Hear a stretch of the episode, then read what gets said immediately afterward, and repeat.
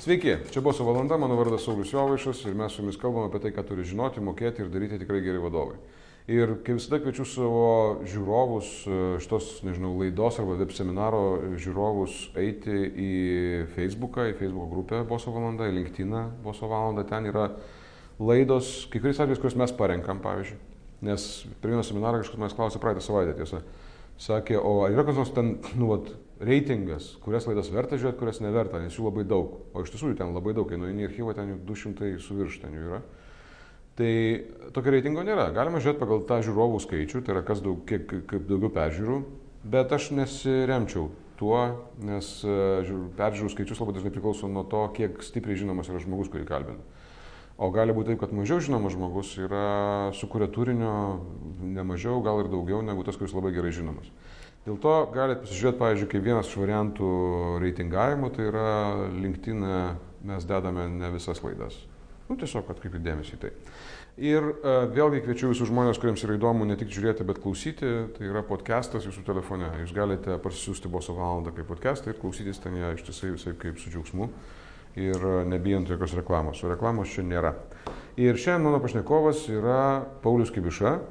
Ir vat, jis pats pasakys, kas jis toks. Pauliu, kas jūs toks? Pradėjau kaip žmonių daktaras, paskui buvau kompanijų daktaras, Okay. o dabar esu ir žmonių, ir kompanijų daktaras. Taip, labai, kaip čia, gražiai, inteligentiškai išsuko.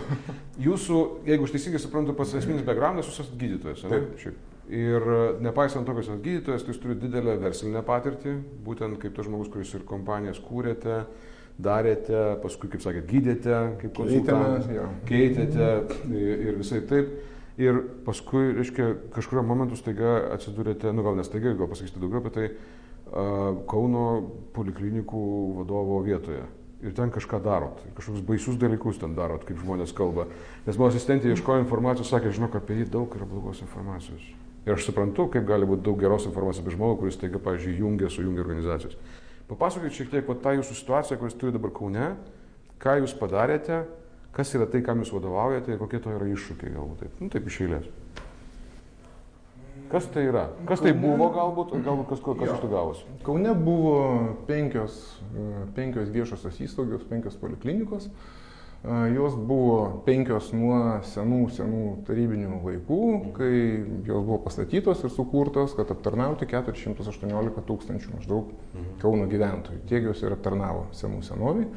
Šiuo metu jos aptarnauja tik tai pusę Kauno gyventojų, tai yra 180 tūkstančių. Pastatų buvo tiek pat, direktorių buvo tiek pat, vyr finansistų buvo tiek pat, visų kitų administracijos darbuotojų ir nemedicininių darbuotojų buvo tiek pat, radom ten vairių egzotiškų specialybių, tokių kaip dailininkas netgi, te, telefonistas, na, liftininkai, tai dar ir dabar vienas yra liftininkas vienoje Okay. poliklinikoje. Va, tai ką mes padarėme, iš esmės mes ją sujungėme į vieną. A, iš 350 nemedicininių darbuotojų pas mus sumažėjo iki 160, tai yra 51 procentų. Tai aš nesistebiu, kad e, ne visi mane myli ir ne visi džiaugiasi. Nors galiu pasidžiaugti, kad nepaisant tokio didelio mažinimo mes neturėjome nei piketų, nei žiniasklaidoj didelio triukšmo, nei jokių teisinių procesų. Todėl, kad stengiamės atsisveikinti su tais žmonėm, kurie pasikeitų situacijai, na, nebe, nebereikalingi buvo poliklinikai, normaliai, civilizuotai, pilnai išmokant viską, kas priklauso. Ir dideliai daliai pasiūlėme netgi savivaldybės kitose įmonėse vietas. Mhm. Tai va, tai palyginus su tuo rezonansu, kurios, kurio, kurį mes girdime na, vykdant pokyčius kitose srityse, tai mūsų ta didelė reorganizacija iš tikrųjų praėjo pakankamai sklandžiai, netgi labai sklandžiai. Ar gali būti taip, kad tai yra tik dėl to, kad jūs su visais susveikinote civilizuotai? Ar, ar tame yra dar kitų uh, momentų, dėl ko tas susijungimas toksai sklandus pakankamai? Tai komunikacija, komunikacija, komunikacija. Okay. Jeigu vesti paralelę tarp žmonių gydimo ir kompanijų gydymo, tai na, ir ten, ir ten vaistai dažniausiai būna neskanus, kartais terapija nepadeda, reikia chirurgijos. Aha. Tai kartais skauda. Ir tam, kad na, pokyčių sėkmės apskritai e, formulė yra tokia, turbūt, kad jeigu sugebi parodyti ateities viziją ir tą pagerėjimą tiek pacientų, tiek organizacijai, kad nu, dabar pakentėsim, dabar susispausim, bet paskui bus geriau, pagersim neskanių vaistukų. Mhm. Uh, Ir jeigu tas gerasis efektas, kuris laukiamas, ta vizija, kurią sukūrė organizacija, yra didesnis teigiamas pokytis negu nepatogumai, kančios, skausmas nuo Taip. gydimo, tai paprastai organizacija tą suvokia. Mažiau priešinasi, bet palaukit sekundėlę, vienas momentas tasai. Nėra taip jau baisiai sudėtinga išdeklaruoti žmonėm, kad, žinai, pokytis nu, nu, nuves mūsų į, mhm. gerą rytojų. Bet kažkodėl vat, vieni, vienais patiki uh, tie vedamieji, reiškia, o kitais nelabai. Kaip galvojat, kodėl jums patikėjo? Nu, tai labai stengiamės. Ta prasme, važiavom, kai tik tai kilo ta mintis sujungimo, tai važinėjom per visas poliklinikas, darėm tokį, kaip sakoma, road show su skaidrėm, su visais darbuotojais, atsakinėjom į klausimus, sakėm, kas bus, sakėm, kas nebus. Tarp kitko, žadėjom, kad netleisim nei vieno gydytojo, nei vienos seselės, taip ir buvo, nei vieno netleidom. Sumažinom tik tai nemedicinių darbuotojų, nes na, prieinamumas buvo tas uždavinys pagrindinis, kurį mums ir kėlė mūsų steigėjas, savivaldybė ir, ir meras konkrečiai. Mm -hmm. nu, aš vat, irgi truputėlį bijau tam tikrą prasme, kad mes, ne, ne, nes, daug kalba dabar apie Kauno mero tam tikrą prasme sėkmės istorija, kaip kad jis tvarkosi Kaune, bet kaip tik tai, kadangi čia aš nesiveliu visai knygai apie politiką, tai tą paliksiu nuo šaly, bet jisai objektyviai jisai yra atstovas steigėjo, poliklinikos jisai tas žmogus, kuris reikalauja, gali reikalauti tam tikro rezultato iš jūsų ir jis to reikalaus vienareikšmiai. Suprantu, reiškia, okei. Okay. Nu, darėt raušau, parodėt tą uh, viziją, įdėjote tai daug pastangų, tarkim, jums patikėjo. Ir ta vizija buvo gražesnė, negu tas kentėjimas, kurį galima patirti, kol tą viziją mhm. įgyveninsi. Mhm. Bet, okei, okay, pasakėt, ir kas tada? Pradėjot daryti. Ten užsidarė, ten atleido, ten tas, anas pasipriešinimas žmonių. Nu, man gal pasisekė, kad aš pradėjau dirbti iš pradžių tik vienoje poliklinikoje, Dainavos poliklinikoje. Ir mes iš karto ėmėmės didelių pokyčių, taip pat sumažinom administraciją per pusę. Pradėjom kelti darbo užmokesčius, tvarkyti, sakykime, atlyginimų sistemą, kad būtų mažiau socializmo ir būtų daugiau priklausytų nuo rezultatų. Mhm. Tai aišku, kad tai yra uždara pakankamai ir na, tokia homogeniška, kompaktiška bendruomenė, visi šnekasi, visi žino, kas ką daro, kas darosi, tai dažnai darbai kalba garsiau negu žodžiai. Kitaip sakant, kitose gydymo įstaigose žmonės pamatė, kad ten nuo dainos klinikoje taip įvyko viskas ir tai, ką jie žadėjo, tas ir vyksta ir dėl to jiems buvo lengviau priimti ir kitoms įstaigoms jūsų intervenciją tam tikros. Teisingai suprantu? E, manau, kad taip. Šiaip, na, žmonės turbūt suprato, kad na, reikia keistis, nes jeigu mes pažiūrėtumėm, kiek pasikeitė atlyginimai, pavyzdžiui, vienas iš klausimų buvo, kas bus su atlyginimais. Mhm. Tai mes sakėm, kad mes atlyginimus visur suvienodinsim ir suvienodinsim į aukštesnę pusę. Tai jeigu paimti, nes na, jeigu pažiūrėti iš verslo pusės, tai yra poliklinikos, kurios turi 50 tūkstančių, sakykime, prirašytų pacientų, yra kurios turi 20 tūkstančių. Mhm. Tai, kuri turi 20 tūkstančių, jai reikia išlaikyti na, vadovą, buhalterį, reikia pirkti įrangą, reikia pirkti paslaugas, reikia šildyti, taip toliau, taip toliau, taip toliau. Pas, na, sąnaudų yra tikrai neproporcingai daug. Ir su tokiu pacientų, sakykime, pūlų, na, kiekiu, jeigu pas tai yra 2,5 nu, kartų mažiau negu kitoj, kuri Taip. tokius pačius tai kaip gali uždirbti tiek pat. Tai kaip tu gali uždirbti? Tu ten galvoji, kad 80 procentų visų mūsų pinigų eina darbo užmokesčiui, mm. nu tai ten tiesiog žmonės spaudėsi. Spaudėsi iš bėdos, atlyginimai buvo patys mažiausi. Tai toj poliklinikoje dabar mm, aš pasižiūrėjau skaičius, tai per nuo 16 iki 18 pirmo pusmečio gydytojams pakilo nei daug nei mažai, vidutinis atlyginimas 99 procentais. Ok, aš palaikau tą pauzę, nes skamba išdidžiai. Visoje viso poliklinikoje darbo užmokestis vidutinis pakilo 24 procentais gydytojams. Gerai, bet tai negali būti padaryta vien tik tai per tai, kad jūs atleidote pusę uh, šitų administracijos darbuotojų, nes jie nesutaupo tiek lėšų, nes jų nėra toks, nu, kritinis, kritinė masė nėra tokia mhm. milžiniška, reiškia, resursas kažkur tai dar yra. Iš kur buvo kitos, kiti resursai?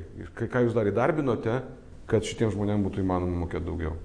Jeigu tai nepaslaptis, aišku, nes jūs nebūtinai privalot man atsakyti klausimą, aš nu, neketinu jūsų Šiaip tai provokuoti. mes susijungę esam tik tai nuo sausio, sausio pirmos, tai tas, okay. tas efektas dar tik tai vyksta, tačiau mes labai rūpestingai planuojam, daug skaičiuojam, žiūrim, tarkim, e, kovo mėnesį mes pakėlėm visiems, visiems, visiems medicinos darbuotojams 7 procentais. Tai mums turėjo kainuoti apie milijoną.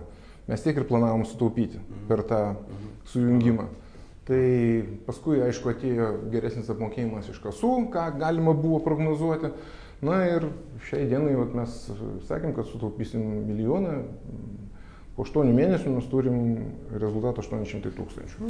Kaip ir pagal planą, faktiškai viršėt planą iš esmės, taip jeigu skaičiuojate matematiškai visai. Ok, žiūrėkit, visas darbų baras vis tiek, nu, apimtis didelė, visą žmonių daug, objektai penki skirtingi. Ir aš kaip su jumis kalbėjau telefonu, man atrodo, jūs man tada kažkaip paminėjote, aš iki pietų būsiu toj poliklinikoje, po pietų būsiu anoj poliklinikoje, kažkaip tai panašiai. Mhm. Kaip jūs sugebat apimti, būdamas vadovu šios organizacijos, va tokį darbų, tokias darbų apimtis? Netgi yra sunkiau negu turėti tą patį kiekį žmonių, bet tarkim vienoje lokacijoje, kaip pavyzdys. Mhm. O čia yra sunku, ką jūs darot? Kaip jūs tvarkote su savim, su savo laiku, pavyzdžiui, kad tą pavyktų padaryti? Nu, kasdien aš nebūs, nebūnu visose poliklinikose, tai faktas. buvo laikotarpis, kai aš vadovau dviem poliklinikom, kol jos dar buvo nesujungtos Šilainių ir Dainavos, tai Mhm. tada, nu, taip ir važinėdavau iš vienos į kitą. Mhm. A, dabar tai visų pirma yra paskirti vadovai adekvatus, normalūs, su kuriais galima dirbti. E, Mes susitinkam kiekvieną pirmadienį, turim kiekvieną pirmadienį su vadovais posėdį, kur kartu su administracija apžvelgiam, kokie yra rodikliai, kokie yra rezultatai ir taip toliau. E, Vėl ta komunikacija su žmonėmis, tas yra labai svarbu. Mes nesam iki galo racionalios būtybės ir e, tas jausmas pastebėjom, kad žmonės jaučiasi šiek tiek tokie kaip našlaičiai, kad vat, išėjo, paliko, dabar ten visi sėdi dainavoji, mums dėmesio Taip. neskiria. Mes pradėjom tokį, mm, tai, tai komunikacija nesibaigė vien tik tai pasakojimu apie tai, kaip bus gerai po susijungimo, bet važinėjom per padalinius ir važinėjom kiekvieną, iki, iki atostogų, kiekvieną penktadienį važiuodavom ir gerdavom kavą, susikviečiam visus, kas nori ateiti ir atsakinėjom visus klausimus, kokius kas užduoda. Tai iš pradžių buvo ne Aha. tokie drąsūs, paskui žmonės drąsėja, drąsėja, drąsėja, paskui sakė, žinot, sakė, nu, atostogos, sakė, niekas nesusirinka. Gal padarom pertrauką. Tai va, klausimų nebėra ką.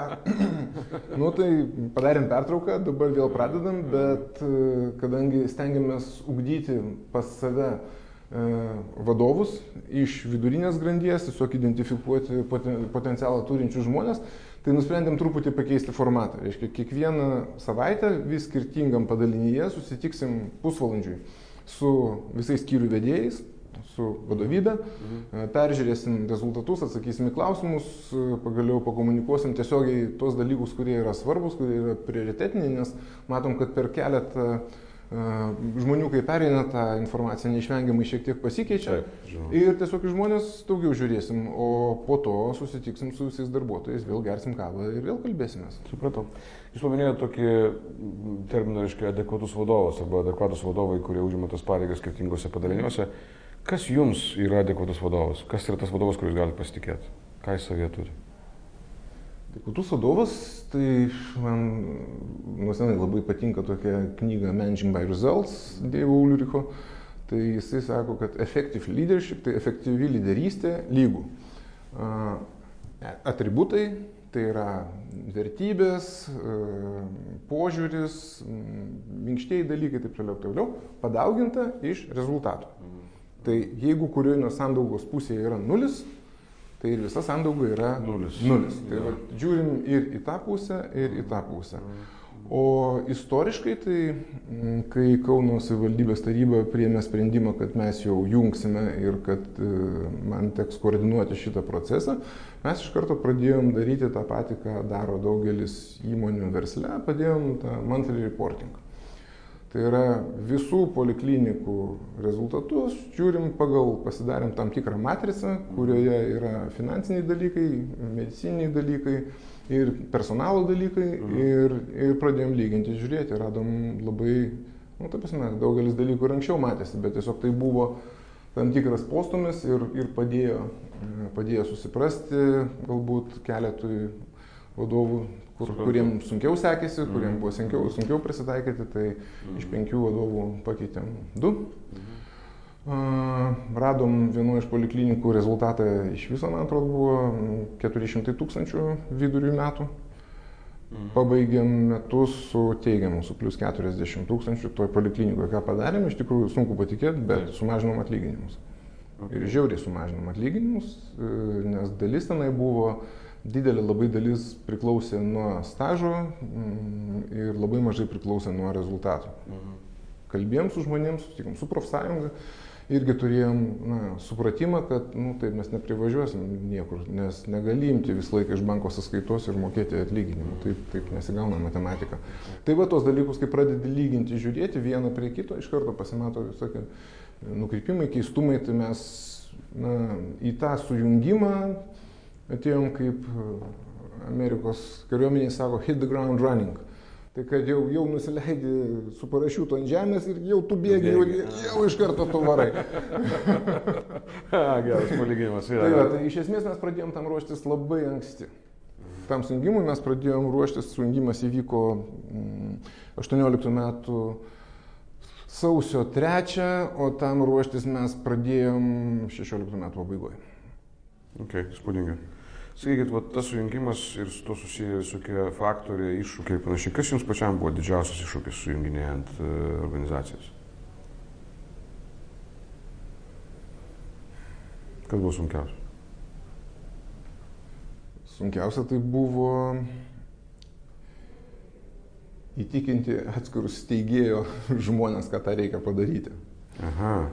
Tai va, nors, nors su meru ta mintis buvo ir su merus administracijos vadovu, su visa vadovybė buvo iš principo aptarta, kad tą kryptimį einam, bet na, atsiranda visą laiką labai valių žmonių, kurie nori iki smulkmenų sužinoti ten centų tikslumu, kas bus po trijų metų kuriam nors padalinyje. Tai iš esmės darant pokyčius, na, tie skaičiavimai dažniausiai nėra verti popieriaus, ant kurio jie, jie, yra, jie parašyti. Kad, jie ne, kad nevyktų pokytis iš tiesų. Taip, taip, paskui jau, jau ten vargom, vargom, taisėm, taisėm tos savo skaičiavimus, tuos visus rašinėlius ir galų neapsi, galia jau neapsikenčiau ir sakiau, su meru susitikom, sakau, tai ir darysim ar nedarysim. Tai sakau, tai ko tu nedarai? Kad sakau, neleidžia. nu tai tada jau greitai labai leido. Šiaip stengiuosi jo netrukdyti, bet kai visai nėra ką daryti, tai, tai iš tikrųjų didelį palaikymą turime. Okay. Uh, žiūrėkit, uh, jūs realiai, nu šiaip, ta prasme, tikrai galėjote nelysti į tą galerą. Mhm. Pagal tai, ką jūs darėte, jūsų patirtis, jūsų įdirbis, jūsų profesinis uh, visas, reiškia, kelias ir panašiai, nu tikrai galėjote to nedaryti. Tai nebuvo gyvybės mirties klausimas, kad, reiškia, aš neįsiu, neįsiu sujunginėti Kauno poliklinikų, tai mirsiu badu. Tikrai ne. Mhm. Tai ko jūs ten lieka? Nu, nes tai tikrai yra iššūkis. Tai yra, kaip, daktaras negali atsisakyti paciento gydyti, jeigu reikia. Ne, nu jo, gražu, tai viską suprantu. Įdomu, kokia, kokia galėtų būti vadyboje, pavyzdžiui, Hipokrato e, priesaikos analogija. Tokia pati turbūt.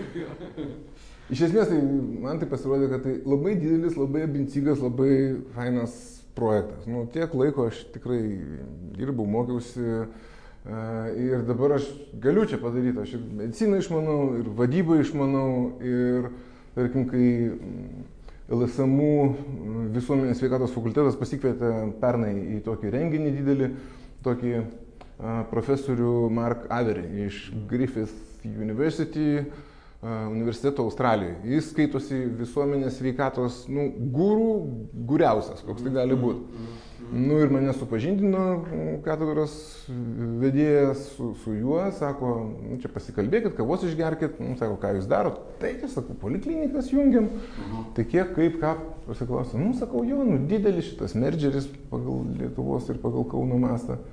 Sako, tai, ką jūs darot, Sakė, čia yra ne Kauno projektas. Sakė, čia ne Lietuvos projektas. Čia pasaulinis projektas, ką jūs darot. tai man, tai tokie dalykai veža. Okay, veža, ambicija tam tikrai užkabina. Čia žinot, kaip, kaip, kaip būrelėme, kai na, aš truputį būriuoju, tai na, vienas dalykas, kai tu būriuoji optimistą, pradedi Kauno Marėsis optimistą makaluotis, paskui kai jau tau duoda didesnį jachtą pavairuoti, paskui didesnį, o paskui kai paėmė per okeaną su Amberseilu kiek ten 40 tonų ar kiek. Nu, kitas jausmas. ok, žiūrėkit, ar, ar nebus taip, kad jūs čia viską padarot, viską sudėliojat ir tas vat veža, kol dėlioji, kol vat tas ambesėlas, reiškia, ten varo per tas bangas, ten vėjas, ten purslai, ten romantika, ambicija ir visa kita. Nu, bet šiaip jau tikslas yra, kad tiesiog vieną dieną mechanizmas veiktų tvarkingai, generuotų, reiškia, atitinkamai tiek vertės, kiek, kiek reikia procesai veiktų tvarkingai, žmonės ir ateina momentas, kai yra tam tikras nu, brandos stadija organizacijoje ir ar vis dar būtų įdomu. Aš net nekalbu, aš manau, kad toks tarsi jautus klausimas, o ką jūs veiksite po to, žinai. Aš ne, nežinau, bet gal jūs galite man neatsakinėti iš tą klausimą, bet man tiesiog įdomu, nes vat, žmonės, kurie mėgsta tavo tokį hits imti ir daryti, nu, nu, nu, nusibosta paskui. Jūs sakote visą laiką, kad reikia kam nors tokio naudingo pasakyti Aha, jo, jauniem jo, taip. vadovam, kurie klauso. Taip, taip. Tai pasakysiu, kad e, nežinau sėkmės recepto, bet nesėkmės receptas. Tai yra, kai dirbi darbe ir galvoji jau apie sekantį. A, tai va, čia veda tas į nesėkmę. Tai aš taip toli negalvoju, mm, bet jeigu mes dėjūrė esame ir sujungę, tai dar masė yra dalykų, kurie yra nesujungti. Mūsų IT sistema, kuri pareikalavo iš tikrųjų žymiai, žymiai daugiau laiko ir pastangų, štai sakau, kad tie visi skaičiavimai 3 metam į priekį, nu tai, žinai, ką dabar skaičiuosi mėnesį, tai po 2,5 metų suskaičiuosi per dieną. Ir žymiai tiksliau. Tai vat, IT sistema dar pas mus tikrai neveikia toli gražu taip, kaip reikia ir tikrai džiaugiuosi, kad kolegos ir pacientai, net ir jeigu yra kažkokių nesklandumų, kažkaip tai tą iškenčia, toleruoja, susitaiko. E, bet taip pat infrastruktūra, jeigu palyginti poliklinikas, tai jos žiauriai skiriasi. Pagal, aš norėčiau, kad būtų, na, kaip tinklinės, sakykime, kolonėlės, kad nereklamuotų. Turi būti visur teikiama tokia pati paslauga, taip pat sužymėta, taip pat subrandinta, tokia pati kokybė. Kad visur paslauga būtų vienoda, nuorodos būtų vienodos ir pagaliau remontas, nu, grubiai tariant, ir tulikai sutvarkyti irgi vienodai, ir vienodai gerai, o ne vienodai blogai. Tai va, infrastruktūra yra antras iššūkis. Ir trečias ir didžiausias iššūkis yra kultūra, kultūros suvienodinimas, nes jos buvo labai labai labai skirtingos labai labai skirtingos ir dabar stengiamės darom ir aš neturiu iliuzijų, žinau, kad tai užtruks. Aš manau, kad tai, kad mes šnekėjome apie tai, kad šiek tiek yra kažkokių atsiliepimų ir panašiai, ko gero, kad aš, aš bent jau pritariu tam, kad jeigu tu darai ir niekas nekritikuoja to, ką tu darai, arba niekas nepuola to, ką tu darai, tai yra tikėtina, kad darai kažką ne taip. Tai čia tarsi taip iški rezumuojant tą, ką žmonės daro. Bet iš to, ką, sakykit. E, organizacijos valdymas yra tai kaip paukščio laikymas rankose. Tai jeigu per daug suspausi, tai pasmauksi. Jeigu per daug atleisi, tai išskris. Bet, bet kuriuo atveju jis tau prikirkos vyriškučias. Geras palyginimas. Tai, tai neišvengiamai. Neišvengiamai atsiliepimų būna blogų, bet, bet tiesiog reikia stengtis, kad na, Visiems neįtiksi, bet stengtis kažkaip tai teisingai, vienodai, žmogiškai elgtis ir... Kaip sako kažkas protingai sakė, reiškia, vadovas ne pizza, kad patiktų visiems, e, bet kuriu atveju. Būtkutė sakė, aš nedoleris, kad visiems patikčiau. A, nu, vat ir galioja tas pats mano principas. Bet žiūrėkit, tada toks tarsi biškai atsietas klausimas ir vat, jūsų nuomonė man įdomi. E, mes turbūt sutikite, e, daugelis Lietuvos piliečių galvojame, kad yra daugybė sričių Lietuvoje, kuriuose reikėtų padaryti tai, ką jūs darote pas save dabar Kaune. Tai yra ar tai sveikatos apsaugos, ar tai šiaip infrastruktūrinių kažkokių tai organizacijų, ten logistinių organizacijų ir panašiai, panašiai. Tuose, nu, visur, kur pažiūrėsi, visur to reikia. Bet ne visur tai vyksta ir ne visur tai vyksta taip kaip pas jūs. Kas turi įvykti, kad uh, galbūt verslo principai, orientacija į rezultatą dominuotų uh, reformuojant, pertvarkant organizacijas valstybiniam sektoriui, viešajam sektoriui, kaip jūs galvojate? Pirmiausia, reikia politinės valios, antriausia, reikia žmonių, kurie nori ir gali. Kodėl jie turėtų norėti galėti, nes ten nei daug pinigų, nu, ambicija, taip, purslai į veidą, taip. Bet Jėzus Marė, tengi, tai gerų vadybininkų gal ir eitų, bet ką aš žinau. Nu, aš dabar matau, tai, na, yra ir prastesnių, bet yra ir tikrai gerų pavyzdžių. Pavyzdžiui, aš matau, kaip atrodo tas pats Lietuvos paštas. Mm. Siunčiu siuntinius. Ir jie nueina. Ir jie nueina ir jau priema ir korteles visur, ir visur vaizdas tas pats, ir ten visokie paštomatai ir taip toliau, ir taip toliau. Žiūriu į, pavyzdžiui, Lietuvos geležinkelius kaip jie tvarkosi, kaip jie stengiasi keisti, galbūt ne viskas matosi, bet na, pasikalbi su vadovais. Irgi yra žmonių, kurie atėjo iš verslo, kuriem švyti akis, kurie žino, kaip daryti, yra padarę daugybę gerų dalykų. Tai aš manau, kad tas ateina. Aš manau, kad tas ateina. Nu, šiaip pesimistai kaip taisyklė nelenda į, į, į, į sudėtingas situacijas, tai čia tiesiog tam tikros dar kartą parodė, kad esi optimistas, nes realiai nu, nei verslo daryti, nei reorganizuoti organizacijų negali pesimistiškai mąstantis žmogus, nes tiesiog jis negalvos, netikės galimybę. Aš dažnai užduodu klausimą, čia toks, tarkim, paskutinis mūsų pokalbio klausimas, bet iš mano pusės galėtų būti, tai dažnai užduodu vadovams tokį klausimą, ar turit mylimą nesėkmę, ar turit mėgstamą tokią vat nesėkmę, kurios, kuri paskui paaiškėjo, kad visai nieko jinai buvo. Iš pradžio atrodė, kad Jėzus Marija ir kas, ką čia dabar taip, o paskui paaiškėjo, kad visai gerai. Aš neruošiu jūsų šitam klausimui, galite neturėti atsakymą, bet... Tai, kad jūs manęs jokiem klausimam neruošėt. Aš tik, tik tai pasižiūrėjau jūsų pirmą klausimą visur. Ot kaip, va.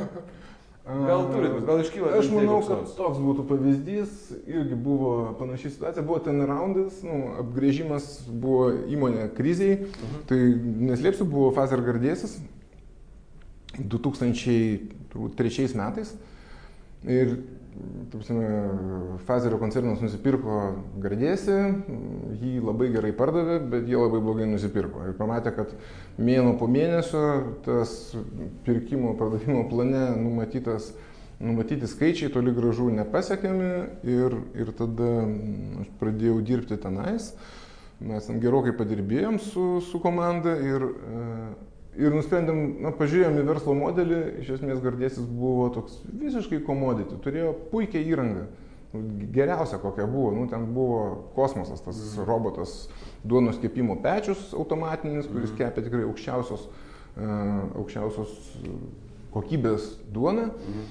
Uh, nuvažiavom į Suomiją, žiūrint, tas pečius stovi, sakėm, o kodėl jisai stovi, pas mus tai 24-7 dirba. Mm. Baigit, sakė, čia mes tik pačias geriausias duonas kepam. tai iš esmės daugiau kaip pusę e, duonos gardėsis, ką pagamindavo, tai parduodavo kalėjimui ir kariuomeniai. E, dėl to, kad e, sakė, nu jo, sakė, moka tai nebrangiai, bet už tai kokybės, dėl kokybės nesikabinėja. Mhm. O iš esmės turėjo puikią įrangą. Ir mes tada pradėjom keisti gardėsi, keisti iš tokio visiško komodity, ai, o kitą pusę jie pardavinėjo pigiau grybų, tokia buvo, toks buvo discounteris IQ. Mm -hmm. uh, mes pažiūrėjom, kad mes turim gerą įrangą, mes turim ribotą erdvę, negalim pasidaryti tunelinio pečiaus ar ko nors. -hmm. Ir iš esmės mes nusprendėm, kad pardavinėsim gerą, kokybišką duoną už normalią kainą visuose prekybos tinkluose. Yeah. Tai mes tada per vieną nu, sakykime, per, per, per, per savaitę mes netekom pusę savo pardavimų.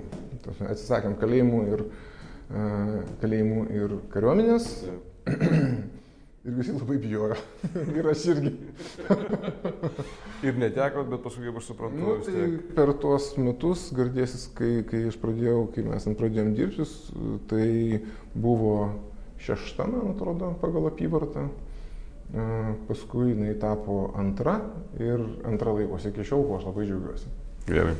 Ačiū Jums labai, Pauliau, už šitą, nežinau, truputėlį gal kažkaip prasme atpaskaitą tam tikrą prasme. Jūs papasakojate istoriją apie tai, kaip organizacijos uh, vystosi ir apie tai, koks vaidmuo yra vadovo tam, kad nu, nepabijoti to daryti, prisimti atsakomybę ir, nežinau, tikėti kažkuria prasme tuo, ką darai, bet kuriu atveju. Aš kažkaip, nu, tose mes su jumis dar susitiksim ne vieną kartą vienareikšmį, nes aš taip jaučiu, kad jums ten vis tiek vežtė purslai ir jūs ten vis tiek kažką tokio darysit, man atrodo. Bet tokia tarsi pa, pa, pamoka iš viso to yra... Uh, Blema, nu, nu, nu, kažkaip priversti save patikėti tuo, kad tu gali padaryti daugiau, negu tau atrodo tuo metu, vat, kol dar ne, nepradėjai daryti. Na, baisu, ką buvo iš pradžių. Aš manau, turėjo būti baisu. Gerokai baisu. Bet dabar atsidaviau, kad tai įvyko. Ačiū labai, Paulius Kibiša. Čia buvo Boso valanda, mano vardu Saulis Jovaišas. Susitiksime kitą kartą ir vėl kalbėsime apie tai, ką reikia žinoti, mokėti ir daryti tikrai geriems vadovams. Sėkmės visiems.